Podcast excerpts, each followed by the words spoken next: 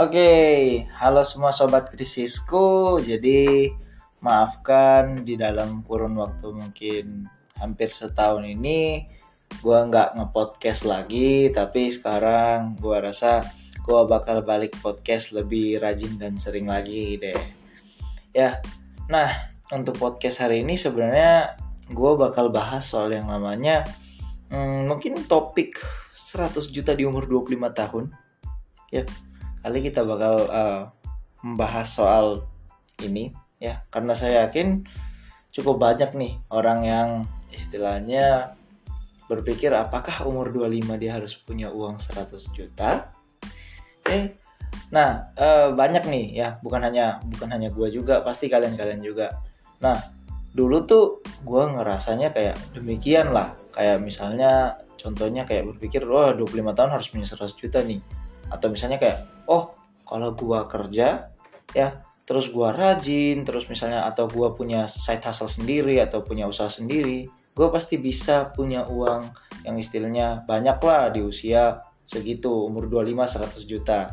Tapi benar gak sih itu kalau kira-kira kita bilang ya umur 25 bisa nggak sih 100 juta? Ya jawabannya bisa-bisa aja karena ya beberapa apalagi sekarang kalau kita lihat influence-nya TikTok ya itu influence-nya TikTok banyak banget yang istilahnya umur 25 bahkan belum umur 25 umur 20 udah 100 juta. Ya sebenarnya kalau gua kembali sih kita jangan lihat orang ya. Mungkin kalau kita bilang rezekinya orang itu beda-beda.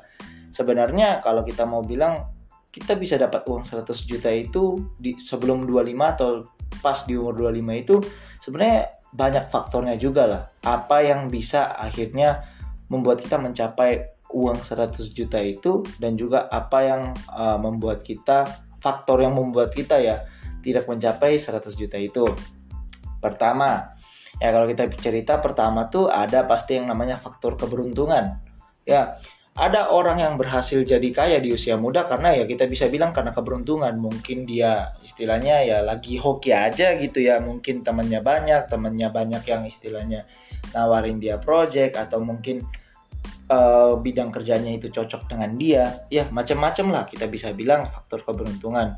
Ya ada mungkin juga yang kita bisa bilang ya jackpot lah anggapannya mungkin di TikTok. Di TikTok mereka itu nggak tahu bikin konten apa konten lucu eh malah viral. Dan akhirnya mungkin keseringan bikin konten di endorse deh sama orang lain. Kan kita nggak tahu ya dibilang faktor keberuntungan ya kita nggak tahu. Sekali lagi banyak tuh kalau kita bilang faktor ya keberuntungan salah satunya lah. Ya tapi ya kita bisa bilang uh, misalnya keberuntungan seperti itu ya jarang terjadi lah. Kalaupun terjadi ya itu syukur-syukur lah. Namanya keberuntungan kayaknya. Oke atau misalnya mungkin ada yang punya bisnis. Anggapannya dulu mungkin ya pas buat awal-awal itu struggle. Tapi eh tiba-tiba misalnya uh, dia buat bisnis tuh dia langsung ngepam gitu. Langsung istilahnya wah langsung uh, banyak banget yang beli. Contohnya kayak teman gue nih, teman gue nih ada yang istilahnya adiknya itu kerja kayak jualan semacam lilin aroma aromaterapi gitu ya. Oke. Okay? Nah, dia jual lilin aromaterapi itu ya yang terjadi istilahnya kayak dia buat satu video TikTok katanya apa ya? Kalau saya nggak salah ingat hmm, dia adiknya itu semacam bikin kayak konten liatin uh, lilin aromaterapinya terus cerita lah di dalam kontennya eh tiba-tiba viral yang pesan mungkin sampai seribu buah lah ya jadi kita bisa bilang sebenarnya kalau hal-hal kayak gitu tergantung keberuntungan lah kita nggak tahu rezeki kita kapan meletus gitu loh bahasanya ya Oke, nah kita bahas mungkin faktor keduanya. Yang pertama keberuntungannya ya. Kalau keberuntungan mah ya kita nggak bisa nakar lah ya. Oke, faktor kedua kita bisa bilang ya kerja keras dong. Ya, jangan ngarep deh kalau misalnya uang 100 juta datang ke kita tapi kita tidur-tidur. Ya mungkin ada aja orang yang kayak begitu tapi ya uh, somehow kayak hampir nggak mungkin ya. Apalagi kita bisa bilang uh, orang itu biasanya orang dulu-dulu pun bahkan menyarankan kita kerja keras lah kalau pengen dapat uang segitu. Ya. Nah, ada orang yang mungkin waktu mudanya juga uh, mungkin pas kita lagi leha-leha gitu bahasanya. Kita lagi berleha-leha ria, mereka itu udah capek kerja, udah jualan kiri kanan dan lain-lainnya, belajar bisnis, belajar uh, tanggung rugi dan lain-lainnya. Ya, tapi ya memang kita bisa bilang faktor kedua yang penting itu sebenarnya kerja keras lah. Ya, kerja keras itu sangat-sangat penting. Ya, misalnya uh, kalau kita kerja juga uh, gue saranin sih jangan hanya kerja di kantor memang ya mungkin kalau malam capek lah misalnya pulang capek tapi seandainya kalau bisa side hustle lagi mau dapat lebih lagi ya asalkan mampu aja ya. Ya it's not for it's not problem sih for me ya. Kalau menurut gue ya ya it's not a big problem lah for me kalau misalnya seperti itu. Ya nah tapi ya kita tahu ya kerja keras ini sebenarnya nggak mudah dilakukan lah. Karena uh, ya istilahnya butuh waktu yang lebih dan juga istilahnya pastilah di sini jam tidur terkorbankan ya. Oke. Okay? Tapi ya faktor kedua kita bisa bilang kerja keras. Jadi jangan pernah ngarep dapat uang 100 juta tapi uh, pengennya tidur-tidur atau misalnya nggak ada inisiasi lah ya. Pokoknya inisiasi juga itu penting lah dalam hal kerja keras ini. Oke, okay, kalau kita bilang faktor ketiga, ini udah sebenarnya bisa kita bilang penting cuman ya kita taruh di faktor ketiga aja deh. Faktor ketiga itu pengelolaan keuangan. Ya, atau kita bisa bilang budgeting. Ya, percuma dong anggapannya misalnya ya kita kerja keras nih ya gaji 10 juta. Tapi kalau pakainya juga 8 juta sampai habis ya sama aja kumpulnya 22 juta ya kapan sampai 100 jutanya berapa tahun lah 5 tahun gitu kan. Ya sama memang uh, eh, gue kurang tahu kebutuhan kita kita kita itu apa aja ya. Jadi misalnya ya teman-teman punya kebutuhan misalnya penuhin keluarga dan lain-lainnya ya gue nggak tahu. Tapi ya menurut gue kalau bisa sih gaji 10 juta jangan juga dipakai hampir semua gitu loh. Jadi ya kita bisa bilang uh, apalagi kalau misalnya ini kalau keluarga ya gue nggak salahin ya. Kalau orang yang udah berkeluarga mas 10 juta itu bahkan kita bisa bilang kecil lah. Mungkin kalau ngepas juga ya memang kita nggak bisa ngomong. Tapi kalau teman-teman yang istilahnya hidup masih bareng orang tua hidup mungkin ya orang tua masih nanggung makan tapi mungkin teman-teman udah nggak dapat uang jajan ya menurut gua sih ya 10 juta terus dihabisin sama teman-teman itu ya kebanyakan sih. Gak wajar menurut uh, gua. Tapi ya kalau misalnya ya kembali lagi kita punya uh, istilahnya gaji sebanyak ya kita bilang 10 juta tadi. Kita nongkrong sama temen tapi temennya bermanfaat. Contoh temennya itu orang yang suka ngasih project atau temennya mungkin suka ya eh, bagi-bagi ilmu. Ya itu sebenarnya no problem sih teman-teman. Itu juga membantu kita. Ya jadi tergantung. Kita lihat 10 juta ini spendingnya buat apa? Tapi better janganlah dipakai sampai habis kayak gitu. Apalagi kalau misalnya teman-teman belum berkeluarga ya. Oke, atau siapa tahu teman-teman mau kasih perpuluhan ke mama papanya itu boleh banget sebenarnya.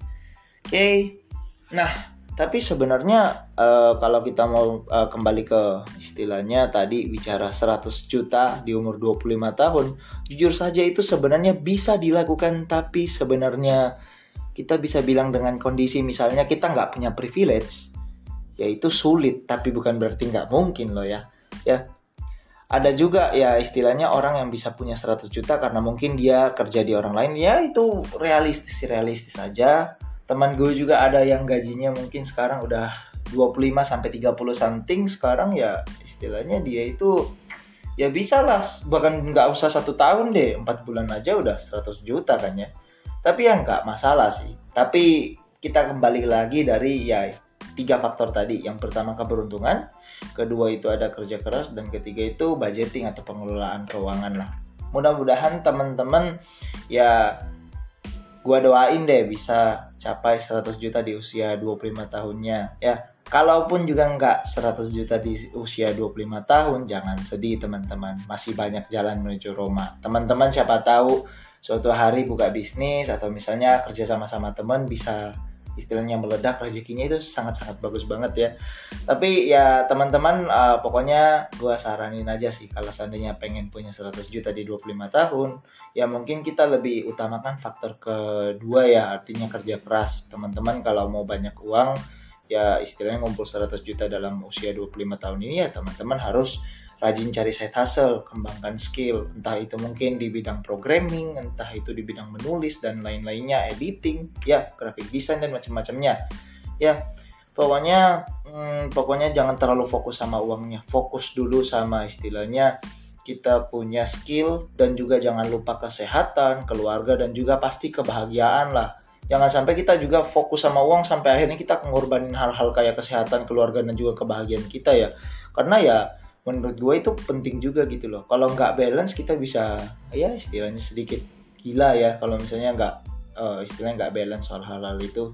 Jadi ya akhir kata sebenarnya kita bisa bilang jadi kayak di umur sekitar ini ya sebenarnya bukan segalanya juga sih tapi kalau misalnya pengen mencapainya, ya udah pasti ada tiga faktor yang tadi saya sebutin ya, yang umum aja deh, gak usah yang aneh-aneh, yang umum aja. Yang tadi pertama keberuntungan, kerja keras dan juga udah pasti budgeting yang ya istilahnya teman-teman atur dengan baik lah.